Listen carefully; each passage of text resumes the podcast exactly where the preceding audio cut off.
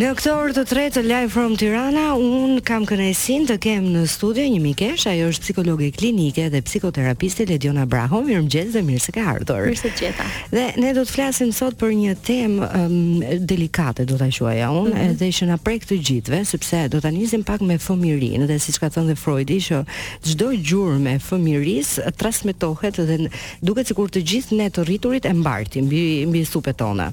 Dhe nuk e di kush e ka thënë shprehjen, e kam lexuar shumë kohë më përpara që nëse do të njohësh vërtet një njeri, mm -hmm. pyete pak për fëmijërinë, se gjurmët e fëmijërisë ndikojnë se si sillemi ne kur jemi të rritur në një marrëdhënie dashurore, në marrëdhënie me mes miqve, mes kolegëve dhe sa e rëndësishme është që një fëmijë të rritet në një kusht dhe një ambiente të mira dhe optimale që të jetë edhe një i rritur um, i shëndetshëm, i shëndetshëm. Mm -hmm. Ndërkohë që po listoje marrëdhëniet që ne krijojmë në jetë dhe se sa e rëndësishme është që duke parë këto marrëdhënie të kuptojmë sa i shëndetshëm është dikush dhe si këto marrëdhënie, si me thënë na tregojnë ose na sinjalizojnë se sa mirë jemi rritur. Ëh, mm -hmm. uh, besoj që kjo ishte esenca ose ndoshta është esenca e asaj që do flasim edhe po, është e vërtetë që marrëdhëniet që ne krijojmë ose që e kemi të vështirë të krijojmë teksa rritemi, Në adoleshencë, po veçanërisht në moshë të rritur, kur detyra kryesore zhvillimore e një individi të rritur, 18 e sipër, mm -hmm. është të ndërtojë marrëdhënie, edhe të kapërcejë ëm um, supozohet që mund ta ketë kapërcyer deri diku me sukses atë fazën konfuzion i rolit ose konfuzion i identitetit dhe ka krijuar, si me thënë, ose ka hyrë në fazën tjetër të moshës së rritur me një identitet të qëndrueshëm, i ka dhënë pyetje pyetjes kush jam unë një përgjigje deri diku të kënaqshme, atëherë mund të jetë më gati për të ndërtuar marrëdhënie të shëndetshme si një i rritur. Mm -hmm. Nëse ka vështirësi për të ndërtuar marrëdhënie, e marrim marrëdhënie shoqërore.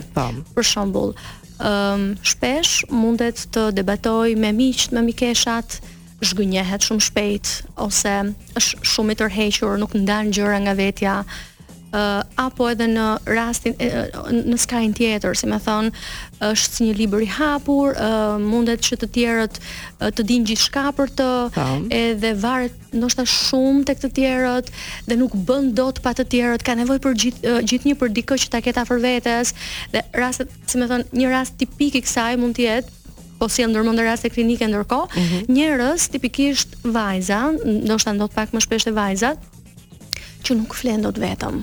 Pa. Pra mund të jesh e rritur, mund të jesh tek të 20-tat ose të 30-tat dhe ke të pamundur të flesh dot vetëm. Dhe çfarë na tregojnë këto dy skaje, pra nga njëra anë dy ekstreme. Tërheqja mhm.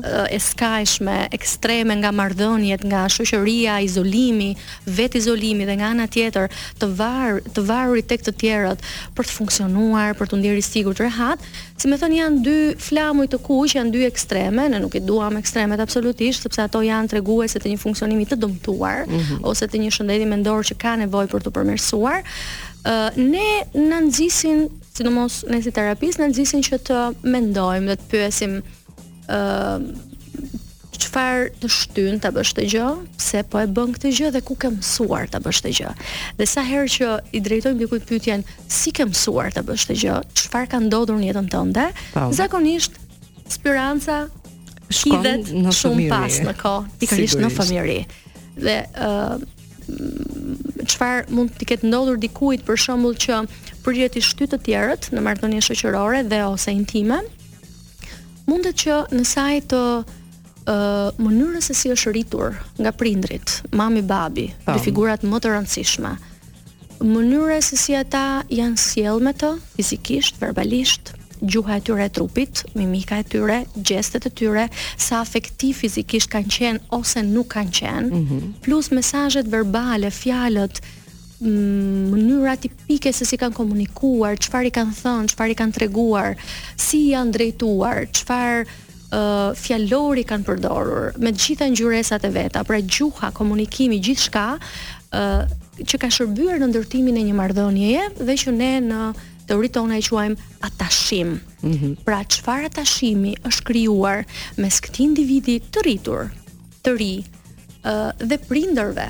të tij në fëmijërinë e hershme, dy llojet kryesore të atashimit ose të llojit të lidhjes emocionale janë atashimi i sigurt, mm -hmm. pra të rriturit, mami, babi, i kanë perceptuar nevojat e bebes, që kur ka qenë e vogël fare. Po. Ë uh, janë përgjigjur ndaj tij, ndaj të qarës, ndaj parehatisë, ndaj frustracioneve, ndaj çfarëdolloj sinjali që bebja jep që është në fazën paraverbale, para se të fillojë të flasë dhe kanë qenë konsistentë, të rregullt në përgjigjet e tyre më duhet ta ndërpresim, po. do ta mbash mendimin mm -hmm. sepse duhet të shkojmë në këto momente okay. tek një këngë është Sangiovanni me Americana.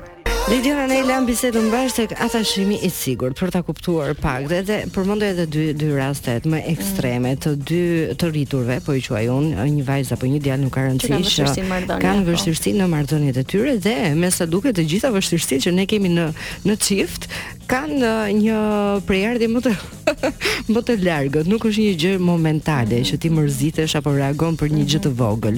Duket sikur nis nga kjo gjë e vogël, mm -hmm. por rrënjët janë më të thella se kaq. Është vërtet dhe sa mirë ndonjëherë uh, nga nga një pikëpamje terapeutike, do thoja unë sa mirë që uh, uh, kur ne zemërohemi ose kur ne mund të shfaqim sjellje të tilla sepse është sikur po ngrë flamurin dhe po kërkon ndihmë. Mm -hmm. Prandaj kur uh, vijnë klientë dhe shpesh sjellin vështirësi, shpesh edhe marrëdhënore, çështje të kontrollit të tepruar nga partneri i tyre dhe tipikisht kjo lidhet edhe me kulturën dhe me uh, profilin tonë shoqëror që gratë, vajzat përgjithsisht uh, e kanë uh, si me thënë lirinë më të kufizuar, lëvizjet e tyre janë më të kufizuar dhe shpesh edhe në terapi mund të vijnë uh, mbas shumë kërkesave që mund t'u kenë bërë partnerëve të tyre. Ja ta bëjmë pak më të thjeshtë. Po, jemi mësuar të paktën brezi im ndoshta edhe mhm. edhe më vonë, nuk e di këtë gjë, por kur je një vajzë në familjet shqiptare, fatkeqësisht ndodh dhe duhet ta pranojmë këtë gjë. Gjithmonë ti hasesh me një fenomen të tillë që ti nuk mund ta bësh këtë gjë se je vajzë, por ndërkohë uh, vëllai yt për shembull mund ta bëjë këtë gjë. Ti nuk duhet ta bësh për shembull, se mund ta bësh, por nuk duhet. Nuk duhet. Pra nuk duhet ta bësh këtë gjë, gjithmonë je përballë një joje të madhe dhe si reflektojnë këto jot që ti ke marrë e vogël, mm. kur ti tani rritesh dhe je me një partner. Po, në mhm. personalitet mm -hmm. dhe në sjellje. Po. Ëh, po. uh, është pikërisht fuqia e këtyre mesazheve, konsistenca ose përsëritja e tyre. Pra, nëse ti i thua një herë fëmijës që nuk mund ta bësh, por pastaj mund ta modifikosh sepse e zëmë ti e shikon që fëmija ka prirje e zëmë në shkenca ose ajo vajza uh, ndoshta do të do të ekspozojë po themi uh, fuqinë e saj do që të jetë më më agresive, do të kundërpërgjigjet nëse dikush i hyn në hak ose do ta ngrejë zërin mm -hmm. që e vogël. Dhe natyralisht, po të shohësh fëmijët e vegjël, Pavarësisht se ka dallime të caktuara që shpjegohen biologjikisht, shoqërisht vijnë më androgjenë, po themi, pra kanë sjellje të të dyja gjinive. Dhe në qoftë se nëna tipikisht ose babai apo dhe të dy bashkë e bëjnë këtë që ti që ti the, nuk duhet ta bësh se je vajzë, duhet të rrish urtë, duhet ta ulësh zërin, nuk mm -hmm. duhet t'i mhm. kërkosh gjëra që do. Ë, uh, kjo vjen së pari prej përvojës së rritjes së vetë nënës dhe babait në një sistem tjetër dhe prindrit tanë tipikisht apo edhe prindrit e, e brezit pak më të vogël kanë trauma të papërpunuara, të patrajtuara dhe mua shpesh mund të më vijnë raste ku vajzat janë limituar edhe të dalin nga shtëpia dhe janë limituar nga baballarët e tyre tipikisht ë uh, për të ndjekur një universitet dhe janë detyruar që ta mbajnë gojën mbyllur, janë detyruar që pavarësisht se mund të kenë qenë me nota shumë të mira, të zgjedhin të martohen. Pse? Uh, sepse thellë, thellë ata mm -hmm. kanë besuar që uh, vajza mund të quhet amorale, pandershme dhe përdorin terma shumë denigrues, shumë fyes në komunikim me vajzat e tyre, e kanë bërë janë raste konkrete. Dhe shumë herët kjo vajzë e cila sot është grua, ë uh, ka mësuar që është e uh, përdalë, po themi. Mm -hmm. Dhe gjithmonë jo sepse ka qenë, po histori, po sepse babai dhe nëna kanë pasur frikë mm -hmm. se ajo mund të bëhet dhe janë frikra dhe mm, aq të thella tek nënat dhe baballarët tanë, po themi, e brezit tonë, sa që mund të marrin forma të tilla. Dhe çfarë ndodh me këtë vajzë ose këtë grua sot? refuzon të krijojë marrëdhënie, mm ose mund të ketë krijuar një sërë marrëdhëniesh për t'i provuar vetes së saj që është ose nuk është ashtu siç prindrit kanë pasur frikë se do jetë dhe mund të krijojë, si më thënë, ose marrëdhënie të shumta siç themi, nga një partner në tjetrin, pikërisht për t'i provuar vetes po dhe të tjerëve që është e mirë ose është e keqe, apo dhe i shmang tërësisht marrëdhëniet dhe është, si më thënë, ky coping mekanizëm ose mekanizmi i përballjes është shumë individual ndonjëherë. sepse ne mund të kemi të njëjtin fëmijë, të njëjtën vajzë që është rritur në të njëjtat kushte me të njëjtët prindër, e zëmë dy motra, Tam. dhe secila prej tyre ka zgjedhur të përgjigjet në mënyra të ndryshme ndaj këtyre mesazheve. Dikush mund të jetë martuar herët, ka bërë disa fëmijë dhe ka një jetë familjare të rregullt në dukje, pavarësisht që ka çështje të brendshme. Dikush tjetër, i njëjti fëmijë me të njëjtën gjini që është rritur me të njëjtët prindër të traumatizuar, kanë dhe dhunues, sepse është një formë dhune e skajshme ta bësh këtë gjë, ka zgjedhur të mos ketë marrëdhënie dhe shpesh edhe të mos ketë fëmijë. Uh, dua tani të ndalem, nuk e di pse më kujtua një shprehje që e dëgjoj shpesh herë, që thonë njerëzit që janë rritur fëmijët në këtë rast, që janë rritur në një ambient të dhunshëm, automatikisht kur rriten bëhen të dhunshëm. Mm -hmm. A është e vërtetë kjo? Mm -hmm. Kjo është shumë e vërtetë, është gati është gati teoremë për arsye se Fëmijët e mësojnë sjelljen, normat, rregullat dhe modalitetet e të sjellurit, qofshin të mira, qofshin jo të mira, duke parë të rriturit. Modeli më i modeli i parë fillestar që ata kanë janë prindrit. Ëh. Mm -hmm. Në qoftë se një prind komunikon e ngre zërin, përdor një fjalor të caktuar, bën sjellje të caktuara, ëh, si me thënë, është aty prezent, mm -hmm. sa mhm. mos flasim prindërit që janë prezent në familje, po dhe ata që nuk janë prezent, sepse dhe çështja e mungesës së prindërve lë boshllëqe të tjera e me radhë, por nëse prindi është i dhunshëm dhe ngre zërin kur flet dhe fëmia do mësojë që kjo është e vetmja mënyrë se si un mund të marr dhe të kërkoj gjërat e mia. Mm -hmm dhe së dyti përveç modelimit, domethënë imitimit të të sjelljes që ndodh, si me thënë gati në mënyrë automatike shpesh herë, sepse nuk ke model tjetër. Fëmia ka nevojë dhe i rrituri është pasqyra që që i, i tregon se si duhet të sillet. Dhe mënyra tjetër është se si i rrituri uh, e krijon marrëdhënien me fëmijën. Pra jo thjesht sjelljet e të rriturit në vetvete, siç e shohim, po dhe mënyra se si i përgjigjet fëmijës. Mm -hmm. Dhe shpesh ne mund të shohim që përsëri nëse shohim uh, marrëdhëniet ose dinamikat vëllezër motra, një prind uh, e zëm një baba i alkolizuar, agresiv, dhunues, um, i pandjeshëm, po them ndaj nevojave të fëmijës, mund të sillet ndryshe me vajzën e parë ose djalin e parë dhe ndryshe me djalin e fundit ose fëmijën e fundit, për shkak se ndryshon pak qasja. Mm -hmm. Nga fëmija i parë tek fëmija i dytë, i tretë, i katërt tek shumë raste, por dhe vetë lloji i fëmijës, ose temperamenti i fëmijës është i ndryshëm dhe në një farë mënyre mund ta nxisi atë të njëjtin prind me të njëjtat karakteristika të përgjigjet në mënyra të ndryshme. Dhe shpesh ne mund të themi dhe në komunikimin e përditshëm që jemi motra, po nuk jemi njësoj. Jemi okay. jemi si si dy skaje, sepse ndryshe temperamenti im, ndryshe temperamenti i motrës. Edhe unë vetë për shembull, motra ka një temperament më të qetë, ëm ehm, uh, është shumë e vetëpërmbajtur dhe nuk flet për ndjenjat e saj dhe Të njëjtë prindër kemi pasur. Unë jam e kundërta. Do ta vazhdojmë këtë bisedë, por fillimisht do të shkojmë apo kemi kemi këngë DJ Danko apo kemi miqtë tanë që nuk presin. I mirëpresim. Live from Tirana.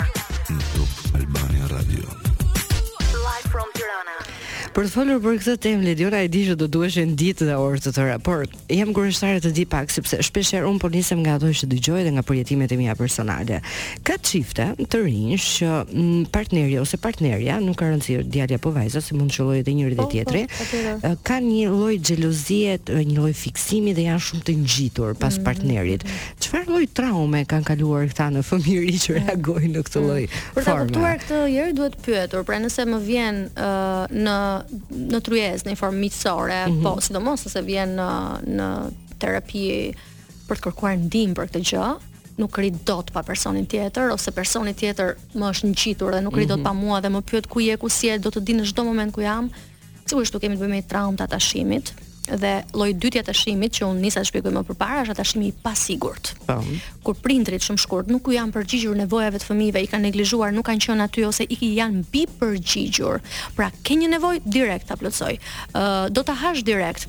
Ë uh, nuk i kanë lënë t'i bëjnë gjërat vetë të rriten në mënyrë të shëndetshme, t'i marrin vetë gjëra që mund të bëjnë, të që mund të kenë mundur fëmijët, sepse fëmijët, ok, deri në një vjeç janë tërësisht të varur nga prindërit. Pastaj fillojnë bëhen më të pavarur, gjithnjë më të pavarur. Dhe nëse prindërit kanë bërë ose neglizhimin ekstrem të nevojave ose mbikënaqjen e nevojave dhe i kanë, si me thënë, frustruar fëmijët në dy rastet, ë uh, atëherë fëmijët kanë mësuar uh, për veten e tyre që un kam nevojë patjetër për dikë që të mm -hmm. plotësojë nevojat e mia, të jesh vetëm është e frikshme, është e tmerrshme, dhe kush jam un vetëm? Ë uh, tipikisht unë mund ta pyes një klient të tillë që çfarë ndodh nëse ai nuk të përgjigjet ose çfarë ndodh nëse ti nuk i shkruan gjithë gjërat e këqija të mundshme. Është mm -hmm. me mhm. dikë tjetër, po më tradhton, i ka ndodhur diçka, i ka rënë të fikët, ka vdekur dhe mbas kësaj është, si me thënë, e mbështjellësja, nëse heqim shtresat, zbulojmë një frikë ekstreme nga të qenurit vetëm. Mm -hmm. E para dhe e dyta, një mendim zakonisht negativ për veten. Unë jam një hiç nëse jam vetëm. Unë duhet të jem patjetër me dikë. Ok, pra janë këto skemat, mendimet negative për veten që i kanë mësuar pikërisht për shkak të rritjes së së pashëndetshme. Dhe un po marr vetëm dy ekstreme, ëh, sepse gjithmonë nuk janë vetëm këto, po, ka, ka, ka ngjyra në mes. Ngjyra po. në mes, por ekstremi tjetër është një çift të rinj që duken sikur janë menefregist. Qartë. Pra sikur nuk e kanë. Shpesh mund të bëjnë dhe marrëdhënie, si me thënë të hapura, ne jemi në një marrëdhënie të hapur me njëri tjetrin. Edhe këtu ka problem. Sigurisht po. Por nëse për problemi? nëse për uh, nëse për njëri nga këta partnerë është problem të jesh në një marrëdhënie të hapur dhe nuk është konsensuale, mm. atëherë është problem. Nëse dikush prej tyre do një marrëdhënie ekskluzive dhe tjetri nuk do, mm -hmm. atëherë është problem. Nëse kanë vendosur vetë të dy që ok, do kemi marrëdhënie të hapur, mund të kemi dhe marrëdhënie, si me thënë me të tretë, ndërkohë që jemi bashkë dhe kjo është ok, ok zgjedhja juaj, respektojmë këtë gjë. Por, prirja natyrale është, si me thënë, që njerëzit të krijojnë një marrëdhënie të mbyllur. Drejt kësaj mund të shkojnë flasim shumica e njerëzve pa gjykuar zgjedhjet individuale. Mm -hmm. Prandaj nëse të dy, si me thënë, e kanë problem këtë gjë dhe ë shiko, në thelb nga një pikëpamje kështu tamam tamam psikoterapeutike dhe psikoanalitike, edhe njerëzit që krijojnë marrëdhënie të hapura ose kanë partnerë të shumëfishtë, mund mund mund të kenë pikërisht vështirësi atashimi, vështirësi marrëdhënore, nuk angazhohen, këtë jemi duke thënë. Pra ndoshta mund pra, të bëhet është e njëjta, e njëjta gjë pak a shumë. Mund të bëhet një fazë eksplorimit të vetes, por që trendi, si me thënë, normal versus jo normal, ta themi kështu të trasha, është që të kesh një marrëdhënie intime dhe të priresh për të krijuar një marrëdhënie ekskluzive me dikë. Nëse ke vështirësi të zgjatur për ta bërë këtë gjë, ose edhe nëse refuzon marrëdhëniet dhe shmangesh, i shmangesh komunikimit, i shmangesh përgjegjësive, tipikisht djem ose vajza që Uh, ok, dolëm, më pëlqeu, u ndjeva mirë. Mm, kishte disa kritere që unë dua që t'i ketë. Më pëlqeu mënyra se si fliste, çek çek çek çek, u bënë disa çeke, por nuk jam gati ose kam një pasiguri. Kishte një kishte një flamur të kuq që mm -hmm. e zëmë më ngjante me babin ose më ngjante me këtë ishin. sepse tipikisht njerëzit priren të replikojnë modele të caktuara që janë pikërisht replikime ose derivate të atashimit të të, të shtrembëruar, po themi ose të pashëndetshëm dhe ose do jenë siç thamë mbikontrollues dhe të mbipërfshirë ose do jenë të tërhequr dhe ajo vajza mund mos kthejë përgjigjen nesër pasnesër ose ai djali mund të mos kthejë përgjigjen nesër pasnesër pavarësisht se ti i pëlqeve, u ndjeve mirë, sepse thellë thellë brenda vetes ai, ai përsëri mund të ketë frikën e të braktisurit. Mm -hmm. Ose mund të mendojë për veten që Nuk jam i mirë mjaftueshëm për një marrëdhënie. Okej, okay, nëse i futem, tipikisht të rinjtë thonë nuk kam nerva. S'kam po, pra, nerva. Pra, është një gjë e shpeshtë kjo. Dhe bëjnë datings, vazhdimisht dhe qëndrojnë në sipërfaqe. Po, nëse ne shkojmë në date dhe qëndrojmë në sipërfaqe, ë uh, kjo ndodh për arsye se kemi frikë të shkojmë më mhm. thellë. Mm -hmm. Pra nëse qëndrojmë në breg të detit, do të thotë që nuk kemi as guxim sa të shkojmë edhe pak më thellë dhe pak më thellë. Janë frikëra, janë frikëra se mos ngelemi vetëm dhe tjetri na braktis. Dhe nëse tjetri të braktis, ë, atëherë çfarë mendon ti për veten tënde? Mendon që ti je e shëmtuar, i shëmtuar, e, i keq, e keqe, ë, ë, jo e mirë mjaftueshëm dhe nuk nuk vlen, domethënë, si person. Duket shpeshherë prindërit duken si një tabelë qitjeje nga ana e fëmijëve. Pra, çfarëdolloj problemi që të mm. hasin fëmijët e rritur po. tani më po. në jetën e tyre. Shkon përgjithësisht atje. Edhe po. zihet me mamën dhe me babin. Ti e ke fajin për këtë, ti më mësove kështu. Dhe nuk është kaq e thjeshtë, ti je prind. Edhe të gjithë janë njerëz në fund të ditës me pasiguritë e tyre, gabojnë që të gjithë e rëndësishme çfarë është në fund. E rëndësishme është që secili në fazën në jetësore në të cilën ndodhet, qoftë i ri, qoftë adoleshent, qoftë prind i një i një fëmije të vogël, qoftë prind i një fëmije adoleshent, qoftë prind i një fëmije të rritur etj etj në të mhm. gjitha fazat e jetës. Ne mund të përmirësojmë veten tonë. Sigurisht nuk mund të ndryshojmë personalitetin, sepse personaliteti është Forma që ne kemi marrë, nisur nga bërthama me të cilën kemi lindur dhe bërthamën nuk mund ta ndryshojmë, të paktën me sa dihet deri më sot, nuk mund të ndryshojmë temperamentin ose prirjen tonë natyrale, nëse kemi një prirje në një fushë të caktuar dhe nëse kemi një paketë, siç vijmë në jetë një paketë gjenetike, ne nuk mund të ë ndryshojmë disa mhm. aspekte të vetes, por ne mund të përmirësojmë marrëdhëniet, ë ndjenjat përkundër të tjerëve, sjelljet me veten me të tjerët dhe Për mua si terapiste, terapia është një mundësi shumë e mirë për ta bërë këtë gjë. Sigurisht mund të ketë forma të tjera të punës me veten, të meditimit, të uh, formave të tjera, ndoshta dhe uh, të lidhura me qasje edhe orientale shpesh herë të njohjes së thellë të vetes, por terapia është njëra prej tyre dhe unë besoj që është më efikase sepse shpesh uh, njeriu për të uh, rregulluar në thonjza disa probleme që ne kemi me veten dhe me të tjerët për të hequr siç themi kështu në mënyrë të thjeshtë disa mendime negative që na torturojnë dhe për të për të ndjerë më të sigurt edhe për të filluar një marrëdhënie, ë uh, shpesh herë nevojitet ndihma e një personi tjetër të rritur që ne themi mjaftueshmërisht i shëndetshëm. Ëh. Mm -hmm. Dhe sa më të pashëndetshëm të kenë qenë prindërit e njerëzit që ne kemi takuar gjatë jetës, aq më pak gjasa ka që ne të kemi mësuar sjellje të mira dhe të kemi ndërtuar një marrëdhënie të mirë me ta. Kur vjen dikush ë në në terapi, gjen një marrëdhënie ose ka mundësinë e artë, po them, të krijojë një marrëdhënie të shëndetshme, riparuese, korrigjuese dhe të hedhë shigjeta në drejtim të një të rrituri që nuk merr asgjë personale, mm -hmm. dhe që është terapisti dhe që e shikon gjithçka si nga jashtë target. Mm -hmm. Dhe nga ana tjetër e ndihmon atë individin që të ndërtojë ose të shohë tek ai një, siç themi, prind mjaftueshmërisht të mirë. Kështu që ne jemi duke bërë në thelb reparenting, riprindërim mm -hmm. të të rriturve, të cilët kanë pas nevojë për këtë empatinë, po nuk e kanë marrë mjaftueshëm. Megjithatë, unë mendoj se qenia njerëzore është qenie shumë e komplikuar.